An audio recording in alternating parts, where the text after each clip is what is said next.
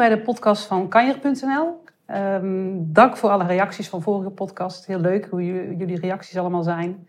En vandaag uh, een mooie nieuwe gast in de studio, Chimène van Oosterhout.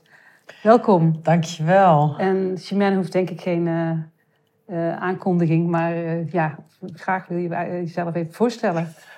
ja, Chimène van Oosterhout ben ik dus. En ik ben mijn tv-carrière begonnen eigenlijk na de eerste keer borstkanker. En dan ben ik begonnen als omroepster bij de Tros. Daarna bij Veronica gewerkt. Heb ik motorprogramma's gedaan. Back to the USA, reisprogramma's en nog een heleboel programma's meer. Um, ja, ik, uh, ik ben een uh, survivor, een overlever van drie keer borstkanker en één keer een hartaanval. Omdat ze mijn linkerborst meebestraald hadden.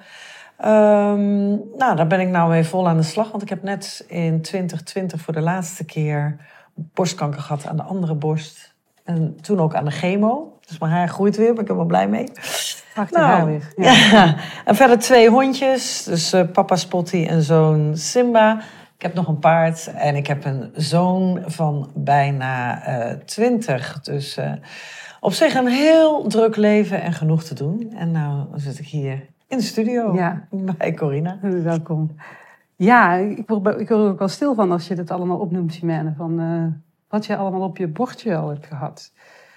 Drie keer kanker gehad. Mm Jeetje, hoe, hoe ben je daarmee omgegaan? Uh, ja, de eerste keer kanker was het meest heftige. Want toen was ik 27 en ik voelde al op mijn linkerborst voelde ik al een grote knobbel. En die zag je ook gewoon. Okay. En toen ben ik in oktober naar de arts gegaan. Ik denk, ik ga toch naar het ziekenhuis. En die artsen stuurden mij weg van nee, want 27 ben veel te jong. Uh, dat kan het niet zijn. En uh, ga maar naar huis en kom over een paar maanden maar terug als je niet in je menstruatiecyclus zit, want dat verandert ook allemaal. En toen begon het ook nog pijn te doen. Toen heb ik ook nog gesproken met mensen. Zeiden nee, kanker doet geen pijn. Nee, dat nou, ik dus zeggen. Waar nou, is, als het pijn doet, is het een goed teken. Hè? Zeiden ze. Ja. Maar nee, bij mij dus niet. Het deed pijn en uh, het was een slecht teken. Um, toen ben ik na een paar maanden teruggegaan. Dus dat was in het voorjaar. En toen zei de arts, nou, laten we toch maar wel gaan opereren. En toen hebben ze het weggesneden. En toen bleek inderdaad dat het kanker was. Dus toen moest ik uh, het hele traject in. Toen moesten ze nog een keer opereren, want ze wisten niet of ze de snijranden goed genoeg geopereerd hebben. Dus was ik twee keer geopereerd in uh, een paar weken tijd. Toen hebben ze me bestraald. Uh, dat was vijf weken lang, iedere dag. Zo, zo. Met een hele heftige dosis toen de tijd nog. Ja. En die laatste dagen, want je werd dan getatoeëerd. Daarom heb ik ook nog mijn tatoeage op mijn borst laten zetten uiteindelijk. Oké, oké. Okay, De echte. En um, dat, dat de plekken goed bleven zitten. En op een gegeven moment met stift, toen was het in één keer weg. Dus toen zei ik van nou, nou is het genoeg. Want ik werd moe en ik... Uh, ja, kapot bestraald. En ik had er helemaal geen zin meer in. Ik denk, ik stop ermee, ik ben klaar. Dus ben ik vertrokken, dan ben ik de wijde wereld in vertrokken. Maar ja, die heb ik wel op mijn boterham gekregen, want zeven jaar later kwam het terug. Dus um, of dat nou is omdat ik de bestraling niet goed afgemaakt heb. Oh ja, denk je dat ik, Ja, ik weet het niet. Ja, dat is niet meer terug Het was in ieder geval een recidief, dus toen hebben ze me weer geopereerd. Want het was aan dezelfde borst? Dezelfde ja. borst, dezelfde plek. Ja. Recidief, dus uh, ja. En um, toen kon ik niet meer bestraald worden. En ik heb toen gelukkig geen chemo hoeven hebben. Um, dan ben je 27, hè? Dan ben je 27, de tweede keer dus uh, 34, 33, 34. En toen een paar jaar later, uh, want ze hebben ook het hele oxoclear gedaan, dus ik kon mijn arm niet meer bewegen, kon niet meer dan dit. Toen heb ik ook meteen om een fysiotherapeut gevraagd. Ik ben meteen gaan trainen. Want ze zeiden ook, je kan nooit meer sporten, je kan geen kinderen meer krijgen. Uh, nou ja, ik, ik weet nog dat ik toen een dag op de wc heb gezeten in het ziekenhuis. Toen heb ik alleen maar gejankt. Dat ik dacht van, nou, als dit mijn leven is, dan laat maar. En toen heb ik uh, een fysiotherapeut erbij gevraagd. De volgende dag al in het ziekenhuis. Zeiden ze, ja, maar je kan bijna niks. En uh, ja, hou er maar rekening mee dat het een dikke arm wordt. Ik zei, ik ga er allemaal geen rekening mee houden. Ik ga voorkomen dat het dat gaat worden. Ben je helemaal gek? Zo. Ja, en toen heb ik anderhalf jaar wel intensief fysiotherapie gehad. Drie keer per week. Ook shocktherapieën om het allemaal uh, te doorbloeden. Nou ja, ik rij weer motor, ik rij paard, ik ski, ik kitesurf, ik uh, Ik heb nog nooit een dikke arm gehad. Ja, dan moeten we afknoppen op eh, ongeverfd hout. Dus dat hoop ik ook dat ik dat nooit krijg. Dus Ja, maar Ja, dat- ik ben- dan heb je makkelijk een, eh dat je oedeem eh ja, vasthoudt. hè, ja, met, eh, nou gelukkig ja. niet. Geen last van. Nee, Want ze hebben nou, wat fijn. 16 okselklieren weggehaald. Dat was toen Zo. nog. Dat is heel veel. Ja, en dan sneden ze gewoon door en dan was het klaar. Ehm, nou ja, en toen werd ik eh 39, was ik net bevallen van mijn zoon. Die was vijf maanden. Ja. Ja, ik heb toch een zoon gekregen, gelukkig. Ja. Borstvoeding gegeven. Borstvoeding met de bestraalde borst ging niet. En borstvoeding met, eh met de onbestraalde borst. Dus ik zat eh, om de twee uur borstvoeding te geven. En hij is bijna twee meter nu. Oh, je hebt Ik zo, denk dat is dat het knap. wel, Want eh, borstvoeding geven ook nog. Wel Ja, geholpen heeft in ieder geval. mooi. En eh, ja, en toen ging ik op een dag naar het circuit van eh, Assen voor mijn motorprogramma. En ik voelde me al wel wat vermoeider hoor. Maar ik denk, ja, die opnames moeten doorgaan. Het was een hele warme dag, 32 graden of zo. Ik zat in zo'n leren pak en de hele dag gereisd. En we waren klaar en ik had echt zoiets van, oh, ik voel me slecht. Ik voel me helemaal niet meer goed. Toen weet ik nog dat ik met de, met de crew, de cameramensen, zo dat ik gezegd heb, stop even bij een benzinepomp. En toen heb ik energiedrankjes naar binnen ge- gegooid, omdat ik dacht, ja, ik voel me zo slecht. En toen kwam ik thuis aan. En de oppas was nog thuis. En ik denk, nou, dit is niet normaal. Toen ben ik naar de wc gegaan. Nou, de details zal ik verder besparen. Maar uit ieder gat wat een mens heeft, k- kwam van alles nog. Jeetje. Het ging mijn lint- linkerhand tintelen. Mijn linkerbeen, mijn rechter, mijn link, alles ging tintelen. Ik had van die hele grote pupillen, alsof ik, ik weet niet wat allemaal geslikt en gedaan had. En toen heb ik iets gedaan wat mij gered heeft. Toen zei ik, ik ga naar het ziekenhuis. Want de oppas zei, nou, ga maar douchen en ga maar in bed liggen. Toen zei ik, nee, ik ga nu naar het ziekenhuis. Toen kwam ik bij het ziekenhuis aan. En toen zei het ziekenhuis, zei, eh, ja, wacht maar even. eh, waarom ga je niet naar eh, de, eh, de huispo- huisartsenpost? En, eh, oh, een hond wordt wakker. Huisartsenpost. Ik zei, omdat ik me zo slecht voel. Ik denk dat ik dood ga. Nou, dat was ik dus kennelijk wel aan het doen. En toen hebben ze me een half uur laten wachten weer. En toen hebben ze bloed geprikt. En toen in één keer kwam iedereen in actie. Toen kwam er een cardioambulance aan. En die heeft mij eh, naar het ziekenhuis gebracht met loeiende sirenes. En toen bleek dat ik dus peripartum cardiomyopathie had. Dus eh, dat betekent dat mijn linker hartkamer bijna niet meer functioneerde. Die pompt het bloed niet meer door mijn lijf. En dat is eh, waarschijnlijk door die eh, bestraling gebeurd. Die ik dus gekregen had toen ik 27 was. Ja. Toen ik voor de eerste keer borstkanker had. En eh, ja, toen hebben ze gewoon mijn hart mee bestaat. Maar tegenwoordig moet je dus 30 seconden je adem inhouden. Dan bestralen ze je. Ja, dan zakt je hart naar beneden. Dus dan schampen ze dat hart niet mee. ja, en dat was bij jou te veel beschadigd Ja, eh, toen. Toen de tijd wel, ja. Ja. Dus ik weet niet. eh. nou ja, ik, eh, what doesn't kill you gives you trauma, zeg ik dan. Zo, ja, de orde, ja. Makes you stronger. makes you stronger, gives you trauma. En, ehm, nou ja, eh, dus dat was het. Toen was ik dus herstellende. En toen was mijn zoon vijf maanden. En eh, de vader van hem, die is, eh, die is weggelopen nadat hij één maand was. Dus ik deed het ook allemaal alleen, maar ik moest helemaal herstellen. En als je hart ermee stopt, of bijna stopt dan. Als je het hart ermee stopt, ben je dood. Maar als je hart er bijna mee stopt, nou, dat is een hele rare gewaarwording. Dan ben je enorm zwak. Dus ik heb echt ook moeten revalideren. Thuiszorg was er om te zorgen dat ik eh, dat het allemaal door kon draaien. Nou ja, en dat is allemaal gelukt. En toen heb ik eh, de jongen opgevoed. En toen werd het 2020, toen was hij 17. En toen ging ik weer naar het ziekenhuis, want ik voelde in mijn rechterborst steken. De andere borst. Andere Ja. borst. Ik denk, het is niet oké. En prikken en branden. Maar meestal zeggen ze van know your lemons. En kijk naar je borsten. En als je een verandering ziet of de tien symptomen. Ik zei, nou, er zijn er elf. Er is helemaal niks te zien aan de buitenkant. Gewoon niets. Het was puntgaaf. Hm. Nou, het was natuurlijk coronatijd. Dus ik heb echt een paar keer moeten bellen. En toen zei ik, ja, er is echt iets niet in orde. Toen ben ik bij de arts terechtgekomen. Die zei, nee joh, dat is allemaal prima.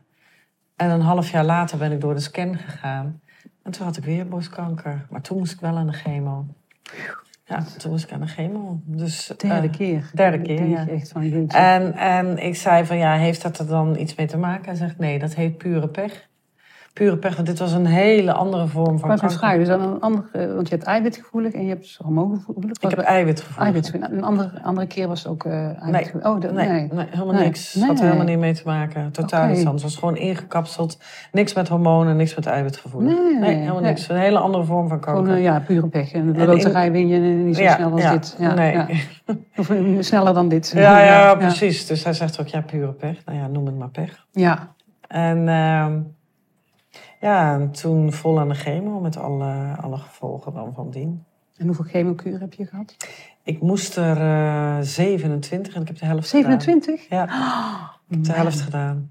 Dus ik had drie kuren per, per kuur. Ja, hoe noem je dat? Drie, drie sessies per kuur.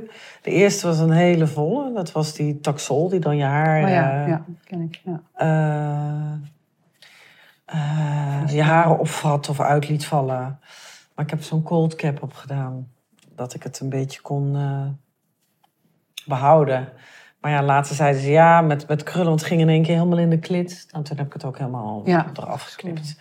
Ja. En ehm, eh, toen was het na drie kuren, na negen weken, negen keer op af, op af.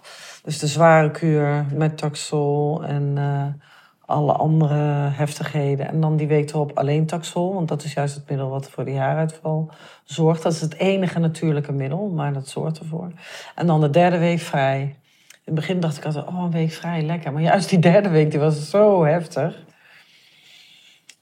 En toen bleek het na eh, eh, drie volle kuren, na negen stuks, bleek het eh, weg te zijn.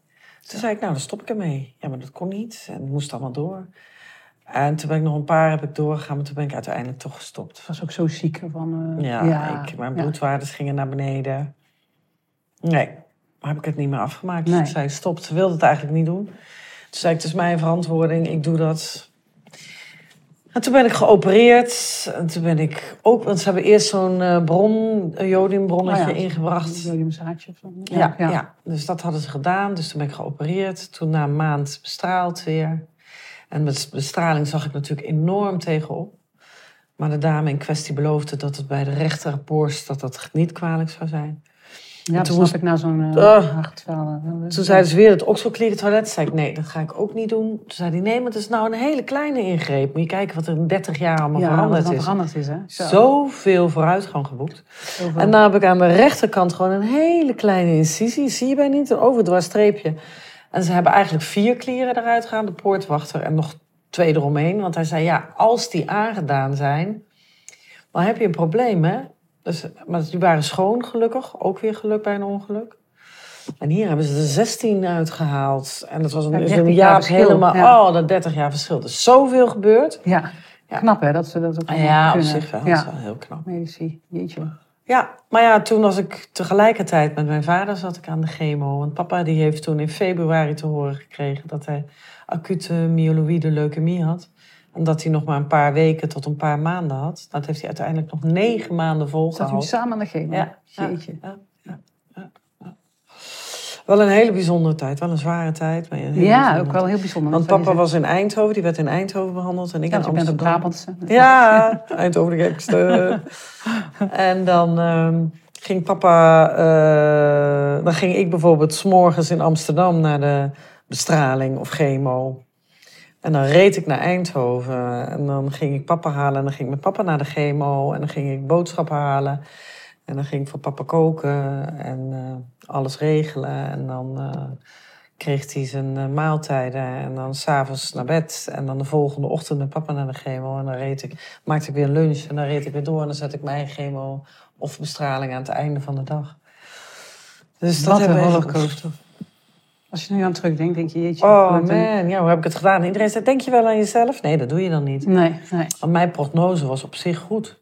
En papa die had, dat was de laatste fase van zijn leven. Dus ik ben wel blij dat ik dat Want vader gedaan, heb kunnen eh, doen. is ja, overleden. Ja, papa is overleden tweede kerstdag eh, ja, 2021. Ja, jeetje. Ja. Ja. En dan moet je wel moet je door. Hm? Ja. En hoe, hoe doe je dat dan? ja. Verstand op nul.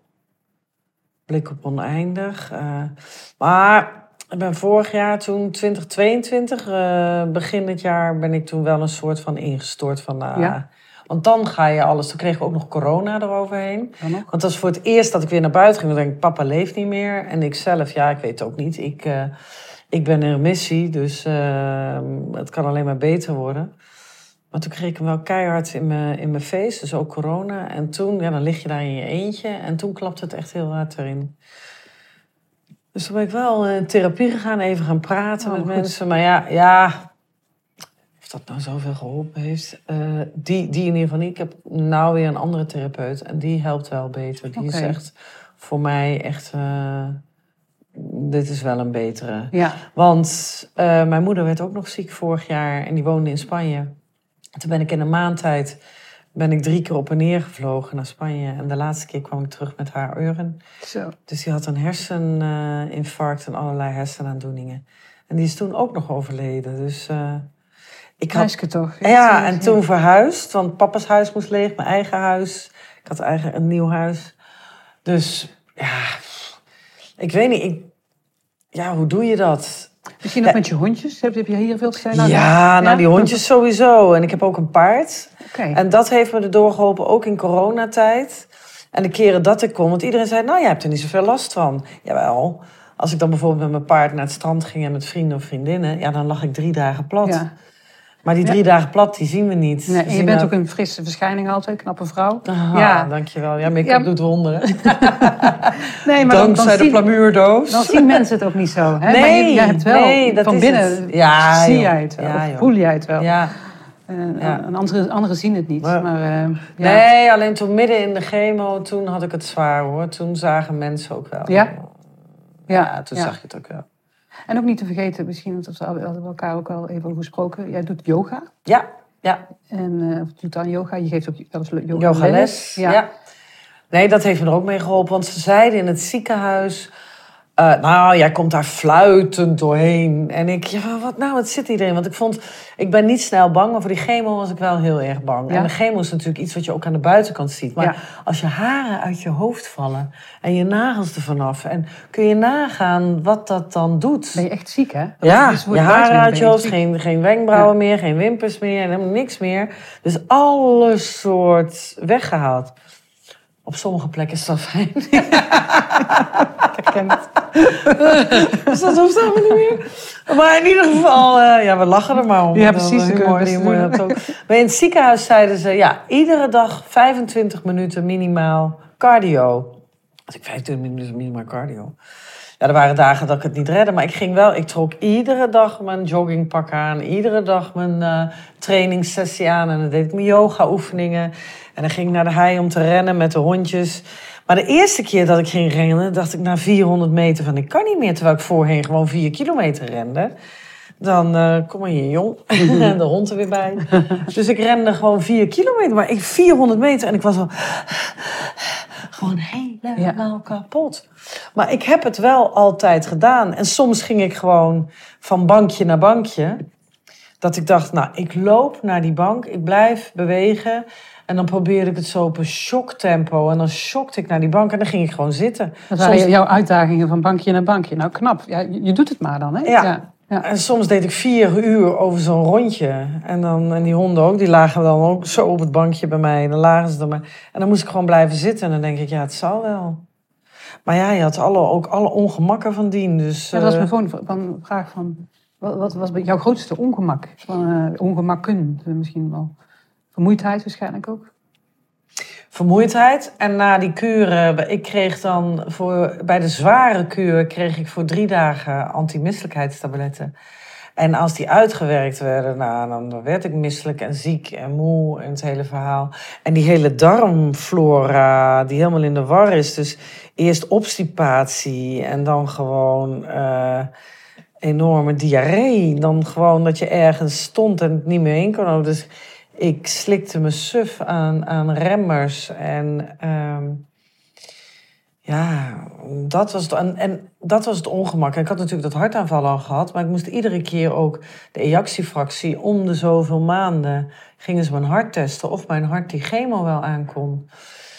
En ehm, Ik moest echt, eh, het was net een soort zwangerschap. Alleen tijdens de zwangerschap groeit leven in je. Ja, ja. En nou groeit de Dat dood. ken ik wel. Daar vergelijk ik het mee. Ja, zo'n proces. Ja. Dus ik had altijd crackertjes en altijd dingen dat ik moest blijven eten. Want ik heb ook in het begin had je dat niet door. En dan ging mijn bloedsuikerspiegel naar beneden. Want dan had ik geen eten waar. Maar dan ging ik echt bij. Maar van mijn gaatje, dat ik bijna flauw viel. En dan ging dat hart tekeer. Ik dacht, oh, oh, oh. En toen heb ik ook wel eens de, de ambulance, of tenminste de, de, de hulppost gebeld. Van nou, ik weet niet, ik denk dat het helemaal niet goed gaat. Dus ik, ik at gewoon om de zoveel uur. Moest ik suikers hebben, moest ik dingen hebben.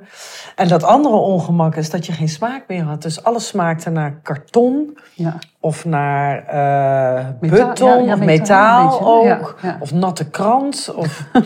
dus de eerste keer toen ik merkte dat ik mijn smaak kwijt was toen mijn zoon zei... Mama, wat heb je in het eten gedaan? Het is niet te eten zo zout. Terwijl ik maar proefde, want ik proefde het niet. Ik denk, hè?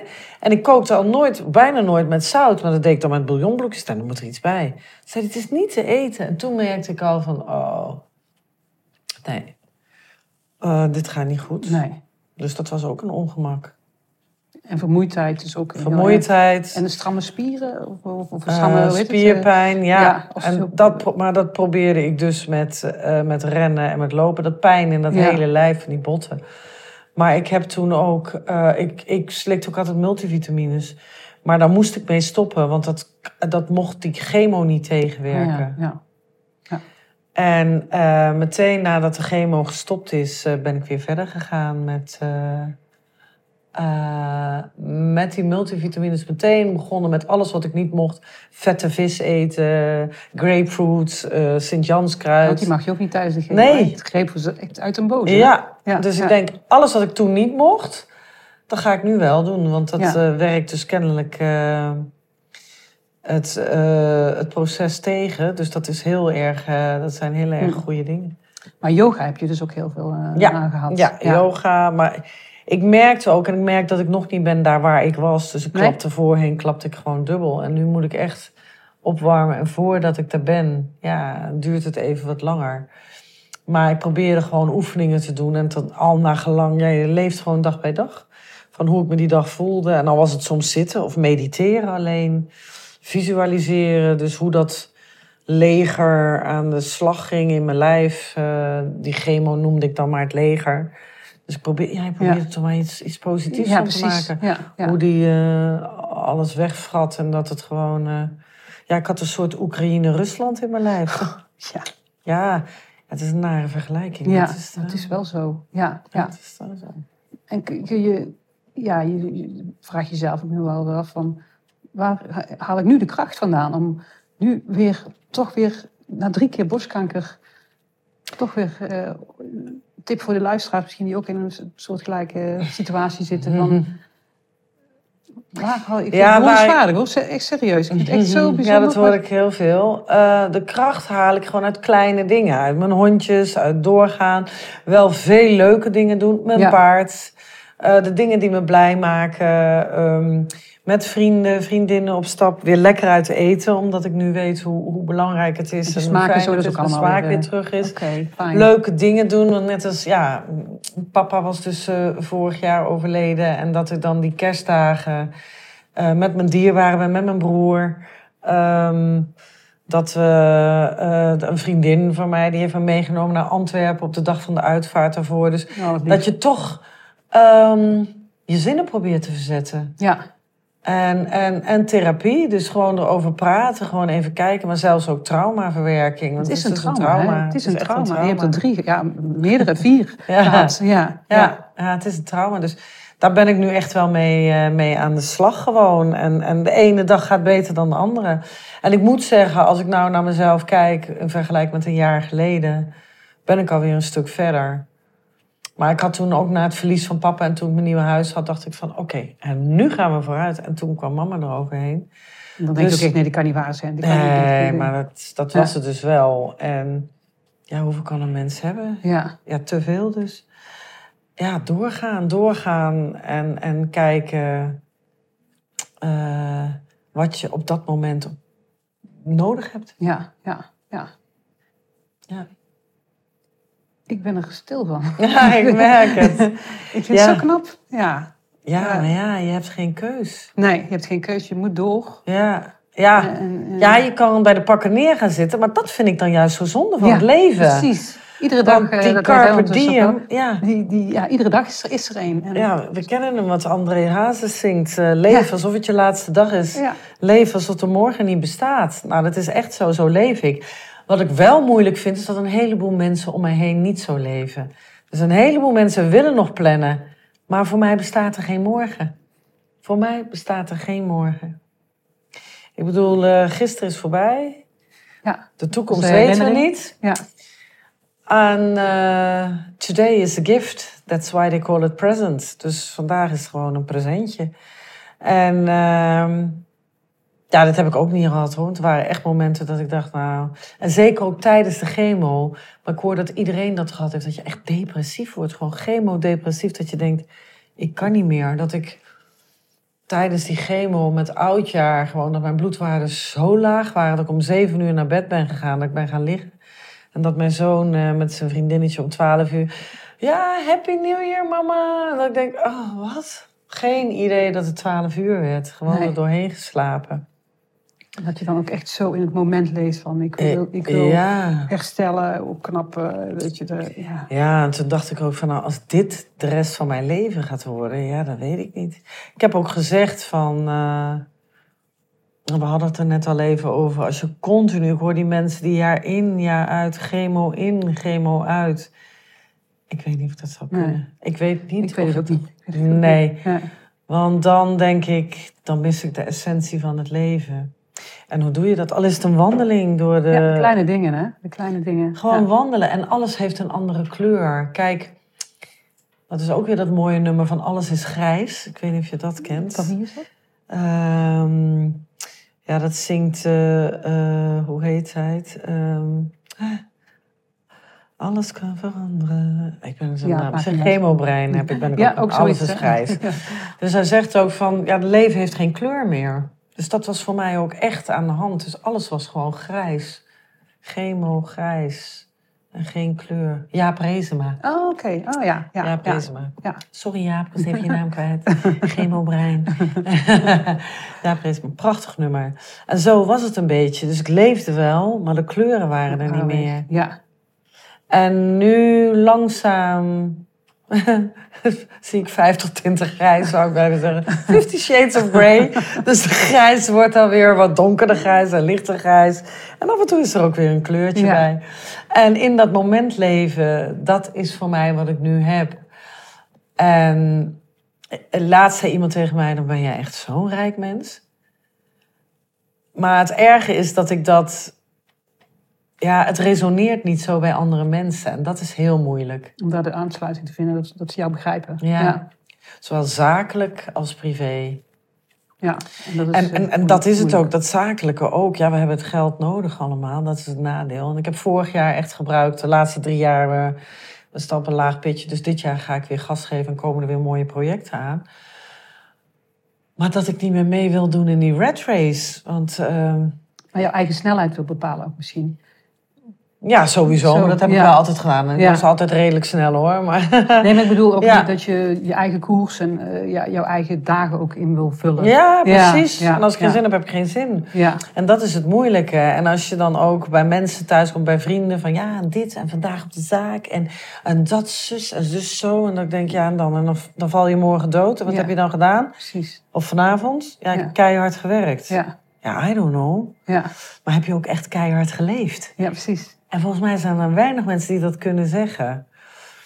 En dan merk ik, en dan zit ik bij die gesprekken, ja, ik kan niet meer eh vol gas zakelijk ben ik niet meer gegaan. Maar ik ben wel vol gas in het leven gegaan met alles wat ik meegemaakt heb. En ik merk dat daar een hele, een, een hele grote gap is. Dat daar een. eh, en die had ik al op mijn 27ste, de eerste keer. Want daardoor ben ik uiteindelijk bij tv gekomen. Omdat ik gestopt ben Ja, met de baan. Ja, ik ben gestopt met de baan die ik deed, omdat ik er simpelweg niet gelukkig was. Ik was eh, eh, PR-manager en de laatste job was bij het World's Fashion Center, confectiecentrum. En ik was er gewoon helemaal niet gelukkig. Ik denk, Nee. wat ben ik toch aan het doen? Ik zit hier in een wereld, ik helemaal niet... Maar ja, Je had een, die ik helemaal niet ambieer. Ik, je, had een goed maandsalaris, auto van de zaak, dertiende maand, 8% vakantietoeslag, telefoon. En ik stopte ermee. Mijn ouders, wat ga je doen? Ik zei, ja, ga stoppen. Ja, hoezo? Ja, ik ben niet gelukkig. Ja, maar wat dan? Ik zei, ja, dat zie ik wel dan. En ik had dan wel een voordeel dat ik altijd wel of modellenwerk kon doen. Of, eh, kijk, ik bedoel, ehm, er is altijd wel wat werk Ja. als, als je het nodig hebt. Maar toen ben ik gaan studeren, mijn studie psychologie. Dus ik had al Ja. mijn studie communicatie af. Toen ben ik mijn studie psychologie gaan doen, omdat ik dat gewoon leuk vond. Eh, naast marketing waren psychologie en marketing dus de twee, de twee vakken die ik las. Dan las ik zo die boeken, dan was ik aan het lezen en dan ging ik naar het tentamen toe. En ook een acht of een negen of een tien soms. Omdat ik het gewoon heel leuk vond. En dan kost het bijna geen moeite. hè? Nee. Nee, nee. En toen ben ik daarin doorgegaan. En mijn betaalde studiebeurs was dus werken voor televisie. Dus ik begrijp dat dat een luxe is. En ik hoor je denken thuis van... ja, maar ja, dan kun je makkelijk praten als je, als je dat dan hebt of dat dan doet. Maar waar het mij om ging... is dat ik in ieder geval geen dingen meer wilde doen... waar ik niet gelukkig van werd. Ja. En ehm, dat begrepen ook heel weinig mensen. En als ik nou om me heen kijk hoeveel mensen echt gelukkig worden van hun werk, dat vind ik er eigenlijk ook te, te weinig. Maar als ik ook nog om me heen kijk hoeveel mensen heel ongelukkig in een relatie zitten, maar ook gewoon dan blijven zitten. En dat ik denk, ja, maar ja, ja, ik heb dan geen relatie. Maar dan denk ik, ik ben liever alleen dan slecht begeleid. Maar ook daarin dat je in een relatie moet blijven zitten, ook vanwege de financiën of vanwege een afhankelijkheid. Of kijk, ik begrijp dat je voor kinderen wel een heleboel doet hoor, dat begrijp ik wel. Ja, ja. Want ik had het zelf ook anders gezien dan niet met een kind van een maand alleen willen blijven zitten. Dus dat had ik ook niet gewild. Eh, maar ja, dat is nou eenmaal zo gelopen en dan doe je het. Dus dan voed je hem alleen op. Maar hoeveel mensen hun leven vergooien met dingen doen waar ze eigenlijk niet gelukkig van worden, of waar ze eigenlijk depressief van worden, of als ze het eigenlijk denken van ja, maar dat wil ik gewoon helemaal niet. En dat zie ik in mijn eigen omgeving ook. En dan denk ik, ja. dat wil ik dus absoluut Nee. niet meer. En het is dus wel moeilijk om afspraken met mij te maken. Dat weet je zelf ook. Dat je zei van nou kun je dan en dan. En dan Mag zei ik, je... mag ik het zeggen, je ook iets e- egoïstischer door. Door al het ziek zijn, denk ik. Tenminste, Zo ben is bij mij iets, ja... Ja, egoïstisch is niet het goede woord Ja, ik heb, wel. het, ik heb het in mijn column geschreven ook. Je wordt er egoïstischer door. Je gaat gewoon beter voor jezelf Beter voor zorgen. jezelf zo. Dat is misschien En ik heb het egoïsme genoemd, maar het is gewoon beter voor jezelf zorgen. Je gaat dat zorgen. zuurstofmasker zelf opzetten. Ja, ja, En dat is een groot verschil. ja. Want ik Voor je geloof... omgeving niet altijd makkelijk. Nee, Nee, nee. maar ik geloof dat altruïsme, dus juist voor de ander de hele tijd te zijn, dat is ook niet wat je redt. Dan, dan vre- vreet je jezelf op. En als ik nu kijk Ja. hoeveel mensen echt, en zeker na corona, ik geloof echt dat er een pre-corona-tijdperk en dat er een post-corona-tijdperk is. Want hoeveel mensen nu nog egoïstischer en nog verander, meer veranderd zijn na dat, eh, na dat coronatijdperk. En mm, waarvan ik wel daarin wel een heleboel egoïsme zie. Dan denk ik, ja oké, het zou wel. Nee, maar goed voor jezelf zorgen. Ja, goed voor jezelf Ja. zorgen, ja. Ja. Nou, ik eh, vond het echt een heel bijzonder gesprek. Ja. Echt, eh, en ik wil jou eigenlijk hartstikke bedanken voor je openheid en je, ja, wat je in deze podcast eh, aan de mensen hebt meegegeven. Van, Nou, eh, heel graag gedaan. En ik neem aan dat de mensen ook vragen kunnen stellen. Dus ik sta open om vragen te beantwoorden. Dus Oké, voor een eh, Stuur Q&A ze- eh, eventueel. Nou, dankjewel. Nou, Ja. Dat zou heel mooi zijn, ja. En ehm, ik wil je nog een dikke knuffel geven als dat mag. ja, dat mag altijd. Heel hartelijk bedankt. Heel graag Dat is gedaan. heel bijzonder. Dankjewel. Wederzijds. Dankjewel. insgelijks.